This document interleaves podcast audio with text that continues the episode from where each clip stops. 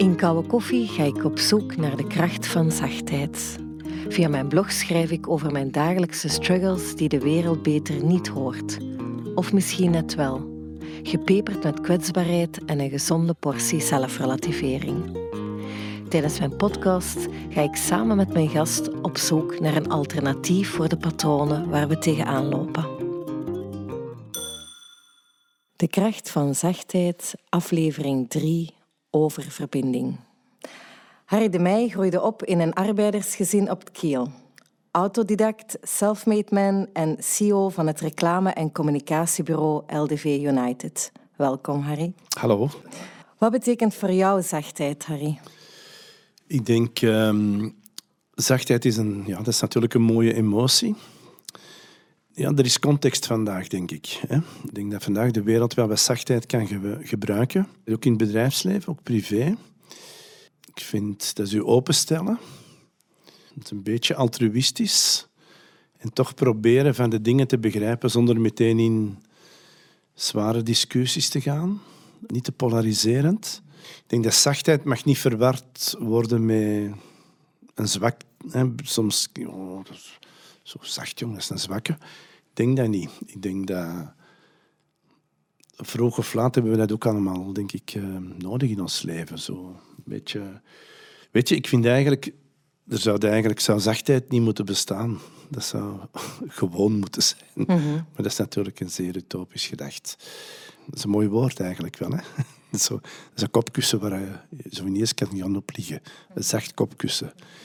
Misschien moeten we maar nu dan eens wat meer in de loop van de dag dat ook afvragen.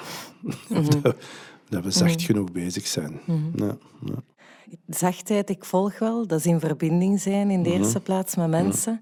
Dat is al een uitdaging. Maar ik vind het nog moeilijker om in verbinding te blijven met iemand als er verdriet of pijn om de hoek loert. Ja. Omdat we dan eigenlijk op dat moment liever niet voelen en dan nogal heel snel uit verbinding gaan. Ik herinner me onlangs uh, is er bij ons op het werk een heel zware beslissing gevallen, waar ik op dat moment, toen dat de beslissing viel, toen ik die hoorde, ik eigenlijk het echte verhaal niet meer aan het horen was en echt dingen heb gemist. Dat kwam zowel door de manier waarop het gecommuniceerd werd als de inhoud van wat er werd gecommuniceerd. En ik ging instant uit verbinding. Mhm. En het heeft even geduurd eer dat ik eigenlijk kon die pijn en die ontgoocheling voelen, toelaten, delen ook. Vervolgens tot rust komen om dan pas terug in verbinding te geraken. En dan, op dat moment dat ik terug in verbinding met mijn collega's mm raakte, kwamen we eigenlijk terug tot een gezamenlijke oplossing en kon ik die beslissing ook loyaal uitvoeren. Mhm, mhm. We gaan nu even voor het zeer persoonlijke stukje nu. Ik heb nu tegenovergestelde. Er is iets momenteel, ik wil daar wel iets over zeggen in mijn leven, dat redelijk veel pijn ja, en daardoor um, de verbinding groter maakt. Ik ga even uitleggen. Ja. Mhm. Ik heb een broer die uh, eh, 17 jaar ouder is. Dus echt een nakomertje. Hè. Ja. En die ook wel waarschijnlijk mij voor een groot stuk... Nee, dat is zo heeft opgevoed. Hè. Ik heb een toprelatie met mijn vader. En um, mijn broer is eigenlijk... Uh, altijd alleen geweest, bewust. En is zeven maanden geleden heeft men uh, kanker ontdekt bij hem. En ik ben nu een maand of zes, zeven aan een stuk zijn, ja, ze noemen dat mantelzorger. Ja? Mhm. Dat is uh, zeer confronterend als er op een brief staat. Ik was gewoon, ik was aan het doen wat ik aan het doen was. Hè? En ineens krijg je een brief van het hospitaal mee voor de huisdokter en dat is erop sociale situatie, mantelzorger, Harry de Wij. Ja? En hij aanvaardt ook van mij wel hulp, hè. maar dat is redelijk intens. En eigenlijk, maar ik weet dat nu niet, of ik nu kan zeggen, ik kom uit een generatie, ik weet dat niet. Maar laten we erbij houden dat we, allee, broers waren nu niet bepaald veel aan het delen met elkaar. Broers en emoties, boe, ja, dat was zo. Wist je? Ja, het is goed. Oh, is bedoel, en dan een pintje drinken. Het is niet echt de diepe gesprekken. En eigenlijk door wat er nu aan de hand is, dat is redelijk intens natuurlijk, voel ik mij eigenlijk meer verbonden dan misschien, ik weet dat niet, vijf of tien jaar geleden. Mhm. Dus het heeft een beetje een, uh, een averechts effect. Maar ik begrijp wel wat jij wil zeggen. Allee, dus in dit geval werkt het verbindender. Hè. Mhm. Ik denk dat ik begrijp wat je wil zeggen. Het is hier ook een onderneming, hier werkt 55 mensen. Eigenlijk met hun gewoontes en, en we proberen heel hard aan waarden te werken. Maar ik begrijp wel dat er soms ook eens iets gebeurt. Hè, dat je denkt van wauw, en dan is die alles ineens weg. Misschien toch een voorbeeldje geven. Ehm, in oktober vorig jaar is er een hele grote klant bij ons. Hè. Die uh, beslist dat um, die moet weggaan internationaal. En eigenlijk hadden wij op 55 man en 20 mensen moeten laten gaan. Ja. We hebben gezegd, we gaan dat niet doen. En we hebben een plan opgesteld we twee jaar een stuk minder tot geen winst gaan. Nee. Maar ook niemand ontslagen. En uh, dat is een Duitse klant. En dat plan was weer chef en das. Wij zijn dat gaan vertellen. Je hebt zo'n titel nodig en dat is goed. En je ziet in, dat is van oktober vorig jaar, je ziet dat in die weer chef en das is er een groep die dat echt aan het doen is. Ook aan het proberen van, allez, come on, come on. Hè, voor zijn, maar er, is ook wel, ja, er zijn wel mensen die afhaken. En bij degene die dan het plan lanceren, doet dat wat pijn. Dan denk je, allee, we hadden toch iets afgesproken? Dus ik begrijp, denk dat ik begrijp wat je wil zeggen. Hè? En dan, dan is dat eventjes ontreddering.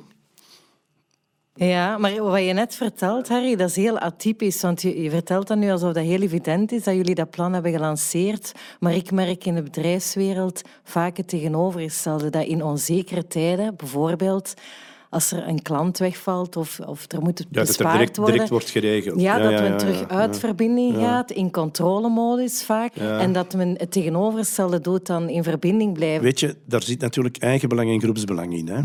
Um, je hebt ook een verantwoordelijkheid. En, en um, je neemt die beslissing omdat je vindt dat je dat moet nemen.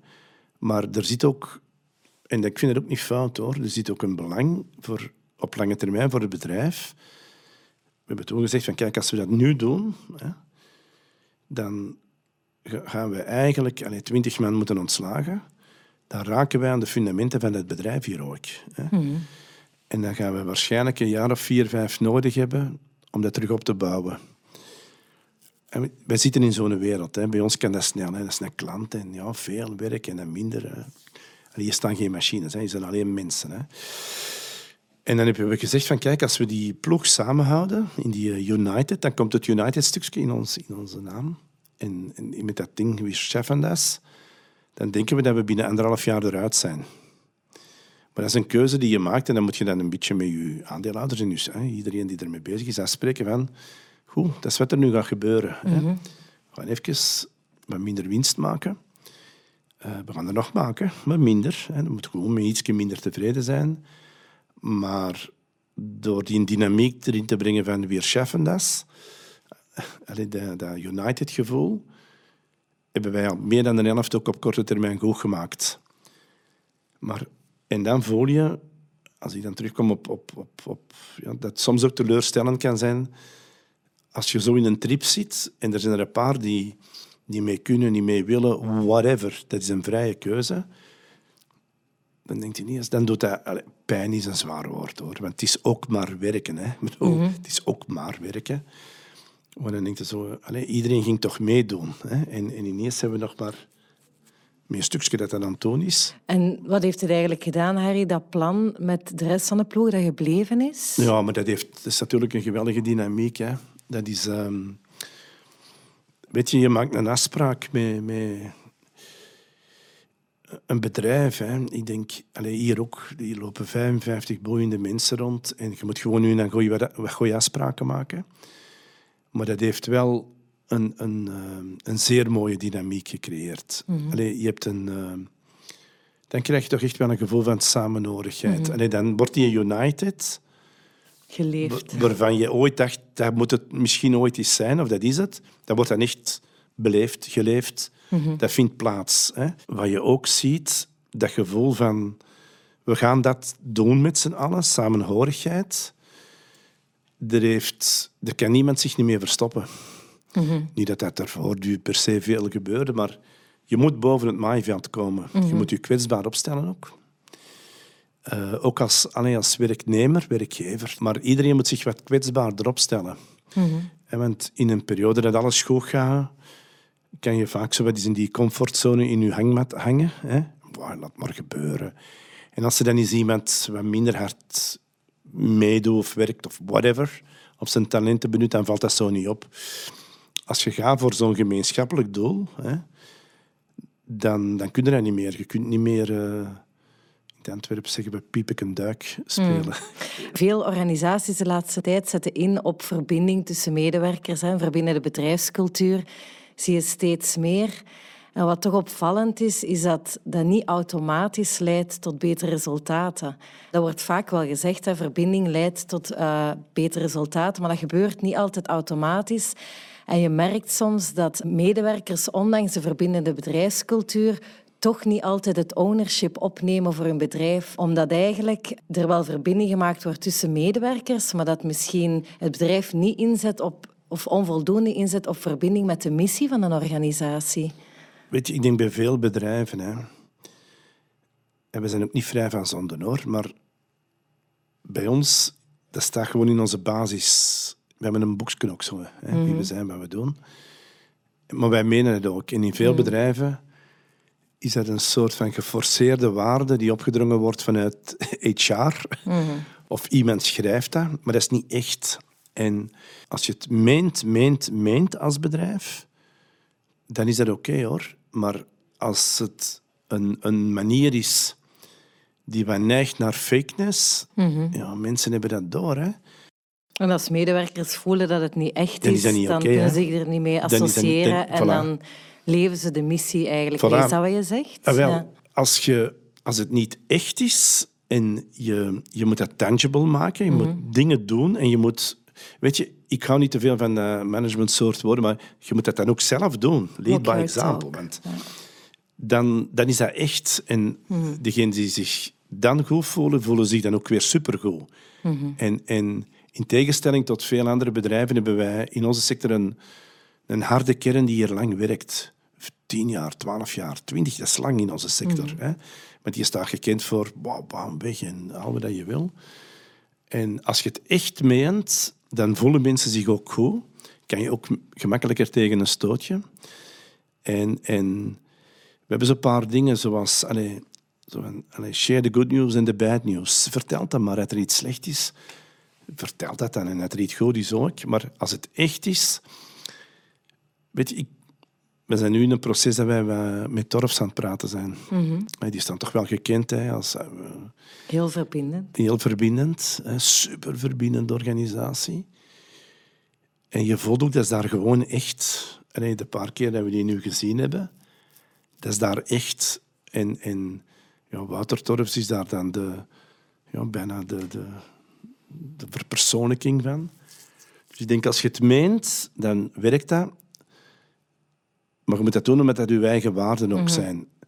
Als het, als het gefaked is, dan is het slecht voor jezelf, maar ook slecht voor het bedrijf. Ja. ja. Ik herinner mij nog, Harry, um, ehm, LTV stond aan de wieg van de campagne, toch een heel verbindende campagne. Het zat is van iedereen. Um, meegemaakt als mm Antwerpenaar toen, of wonen mm in Antwerpen. Uh, het was opvallend dat het niet enkel ging over de rechten van Antwerpenaren, maar ook over de plichten en het zogenaamde burgerschap. Ja, ja. Enfin, dat, dat, begint natuurlijk met die lijn. Hè. Ik heb dat verhaal al eens verteld. Maar die lijn heb ik ooit eens zelf geschreven. Het staat is van iedereen. Die komt van bij ons op keer op de straat. Hè. Nee, ik zal, heel kort, hè, als we op straat aan het spelen waren en het was te veel lawaai. Of iemand, dan kwam er een moeder buiten. Het is van iedereen. Hè. Dat wil eigenlijk zeggen, gedraag u. Rechten, plichten, we gaan dat samen doen. Mm -hmm. ja, als je natuurlijk die lijn kunt ook misbruiken. Hè. En dat is ook gebeurd. Hè. Nee, dat is niet van iedereen, dat is van langs. Hè. Ja. Goed. Maar het is een zeer verbindende lijn. Die, ik denk ook de campagnes die we gedaan hebben. Dat was eigenlijk, zoals voor Zwerfvuil, samen doen we heel wat voor een propere stad. Dat was altijd dat samengevoel. Mm Ehm, als je dat zo in een ingewikkeld model van zender-ontvanger, transactionele analyse noemt dat dan, dan is dat echt volwassenen tot volwassenen. Dus niet met vingertje wijzen.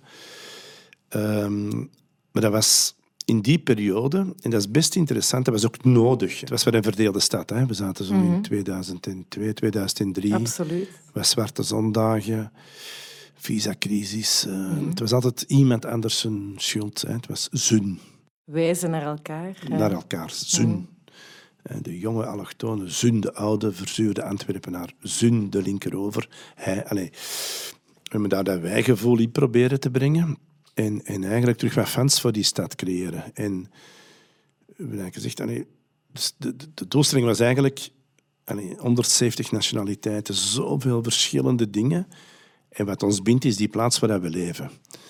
En dan moet je, als we dan van elkaar respecteren hoe dat we daarmee omgaan, dan kan je, ja, dat, dat klinkt idealistisch, maar dan kan je naar een betere samenleving evolueren. En hoe komt het, Harry, als ik dat vragen mag? Ik heb dat zelf ook ervaren als een heel verbindende campagne. Mhm. Mensen die begonnen zich meer te verantwoordelijk te voelen, te, engageren. En hoe kan dat dan, dat we zo snel van die verbinding zijn terechtgekomen nadien in bijna terug polarisatie in deze stad? Zou het kunnen zijn dat we in de euforie van de verbinding misschien sommige problemen over het hoofd hebben gezien of dat de boodschap niet tot bij iedereen is aangekomen? Wat denk je? Je mag niet onderschatten, denk ik, de verpletterende verantwoordelijkheid van mensen die aan de top staan. Hè? De, de leiders van ons land, van onze stad. Je mag dat niet onderschatten. Uh, op verkiezingsavond was het eerste woord: de stad is van ons. Um, dat zegt veel. Ik wil eigenlijk niet over politiek te veel praten. Maar ik denk dat daar ook een verpletterende verantwoordelijkheid zit bij links-progressieven. Uh, ik dat nu weer, hè, na deze verkiezingen. Er zit een soort van opgekropte boosheid in mij. Waarvan ik denk, je gaat dat nu toch allemaal een beetje beter kunnen doen dan dat dit niet gebeurt, man. Dit moest niet gebeuren. Hè. En wat bedoel je beter kunnen doen? Wel, ik ga campagne of het gaat over veel meer? Het gaat over veel meer, hoor. Het gaat over veel meer. Ik denk, hè, als je echt over verbinding hè, mhm. en, en rechten, plichten, dat is van iedereen. Je, je moet dan ook naar de waarheid nu en dan durven kijken. En ik ga nu iets zeggen waar ik eigenlijk misschien binnen een, een week spijt van heb, maar ik meen dat echt wel. En ik had gewoon een, een soort symboliek. Hè. Zo de verheerlijking van de Turnhoutse baan, dat moet ook niet echt. Je moet ook durven zeggen, daar is iets. Mm Daar is een probleem. En je mag niet, als je dat zegt, in een hoek geduwd worden. dat dat niet bon ton is. En, oh, racist, nee, dat heeft daar niks mee te maken. En ik denk dat, dat we in een soort van euforie ja, ook die, die, die campagne heeft dan twaalf jaar ongeveer gelopen. Dat we de onderbuik ook wel soms vergeten. Er zijn nog altijd best wel wat mensen die zeggen, maar ik heb een probleem. Mm en die hebben we niet altijd beluisterd. Nee, ik denk dat we daar met z'n allen niet genoeg naar geluisterd hebben. En als ik lees dat vandaag een derde van mensen zo op onder de armoedegrens leeft, dat, dat, is niet gisteren begonnen. ik bedoel... We hebben het daarnet gehad over het moet echt zijn. En natuurlijk, als je een campagne hebt die heet Het stad is van iedereen, ah, ah. en een derde van de Antwerpenaren heeft het gevoel dat hun of haar probleem niet wordt beluisterd, mm. dan is dat dan natuurlijk is dat niet van iedereen. Niet dus Wat, wat we misschien niet genoeg gedaan hebben, ook in die tijd, hè, dat is dan voorschrijdend inzicht, dat is die iedereen definiëren. En dat kan gaan over mensen laag inkomen, middeninkomen, hoog inkomen. Dat verschilt in kleuren, in, in, in, in geloof, in, in manier van denken. Misschien hebben we in die periode ook niet aan iedereen genoeg aandacht gegeven. Ja? Mhm. Dat gecombineerd met een nieuwe leider die zegt, ik vind niet dat het stad van iedereen is. Dat maakt dat dat weer, ja, dan gaat dat wat weg. Mhm. Je moet daar gewoon aan werken hoor. Allee, mhm. Anders blijft dat gewoon een campagne. En, mm en is het niet doorleefd? Dan is het niet doorleefd. en, ja. En, en ja, dan gaat dat weg. En dan kom je inderdaad op dat, zoals je zei, in dat bedrijf, als het niet echt is, of het is niet meer zo echt, en je, allee, je moet daaraan werken, hè, aan, aan dat soort visies en missies. Dat is geen statisch gegeven. Hè. Je moet, en wij doen dat veel hè, voor bedrijven. Dus in een relatie ook, hè? Ja, ja dat is dat is een transactie. Hè? Dat is geven, nemen, eraan werken, ermee bezig zijn. En als je ermee bezig bent, dan is dat strategie. Ja? En als je dat niet meer doet, is dat geen strategie meer en dan gaat dat soort dingen weg. Ja. Harry, tot slot, ehm, verbinding met anderen, dat lukt uiteraard maar als je eerst in verbinding bent met jezelf. Als ik zelf uit verbinding schiet, is het enige dat mij helpt op dat moment vertragen. Want als ik vertraag, dan voel ik terug alles, ook wat ik nodig heb en wat dat er zit. En soms pas, helaas, ehm, nadat mijn lichaam mij manu militari tegenhoudt of stop zegt.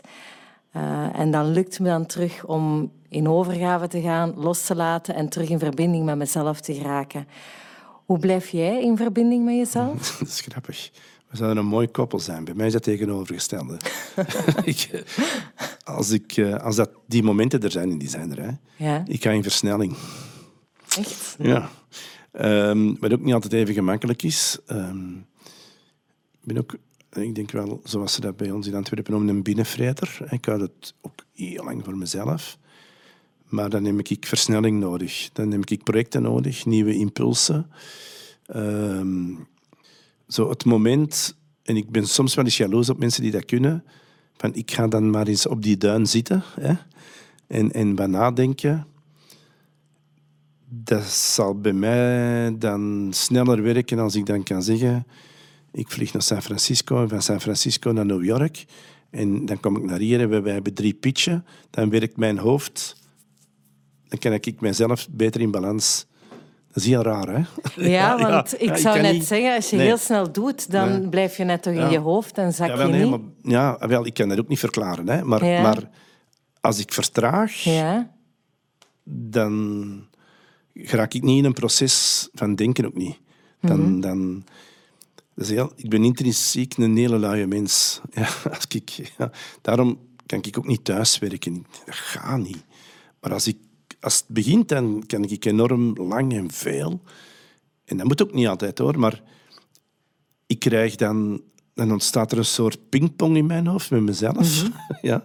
Maar ik heb die snelheid dan nodig en die, een beetje die adrenaline, die stoffen, om, om, om ofwel iets beter te relativeren, of met iets beter om te gaan, of whatever. Dus ik, ik, ik kan niet op een bank gaan zitten dan. Ik kan dat wel, in, in, in- ik kan rustig, hè, zelfs naar huis wandelen. Ik woon hier vlakbij en nog even onderweg op een bank zitten. Maar, maar als je zo het gevoel van, boef, hè, dat moment hè, dat je beschrijft, dan ga ik zo naar het rode terug. Zo Ja. naar wat dat ik is, ooit was. minstens, dat is minstens bijzonder. Je Ja, komt tot rust door in actie te komen. Ja, ja, maar dat bestaat. Ja, ik Voilà. geloof het. Ik zie het hier voor me. Ja, ja. Dus jij zou dan thuis zitten, rustig, en ik zou dan naar de cinema gaan. En van de cinema drie films. Nee, nee. Maar ik heb dat nodig. Dan, dan schop ik mezelf zo wat in, in overdrive. En dan pingpong ik mezelf. En dan, dan, dan raak ik terug zo in dat evenwicht, veel sneller. Ja, Oké, cool hè? Ja. merci voor het leuke gesprek. Graag gedaan. Fijn dat je even tijd nam om te luisteren. Via de website kouwekoffie.be kan je je inschrijven op mijn nieuwsbrief en zo blijf je op de hoogte van mijn nieuwe blogs en podcasts. Ik kijk uit naar jullie reacties en graag tot een volgende keer in zachtheid.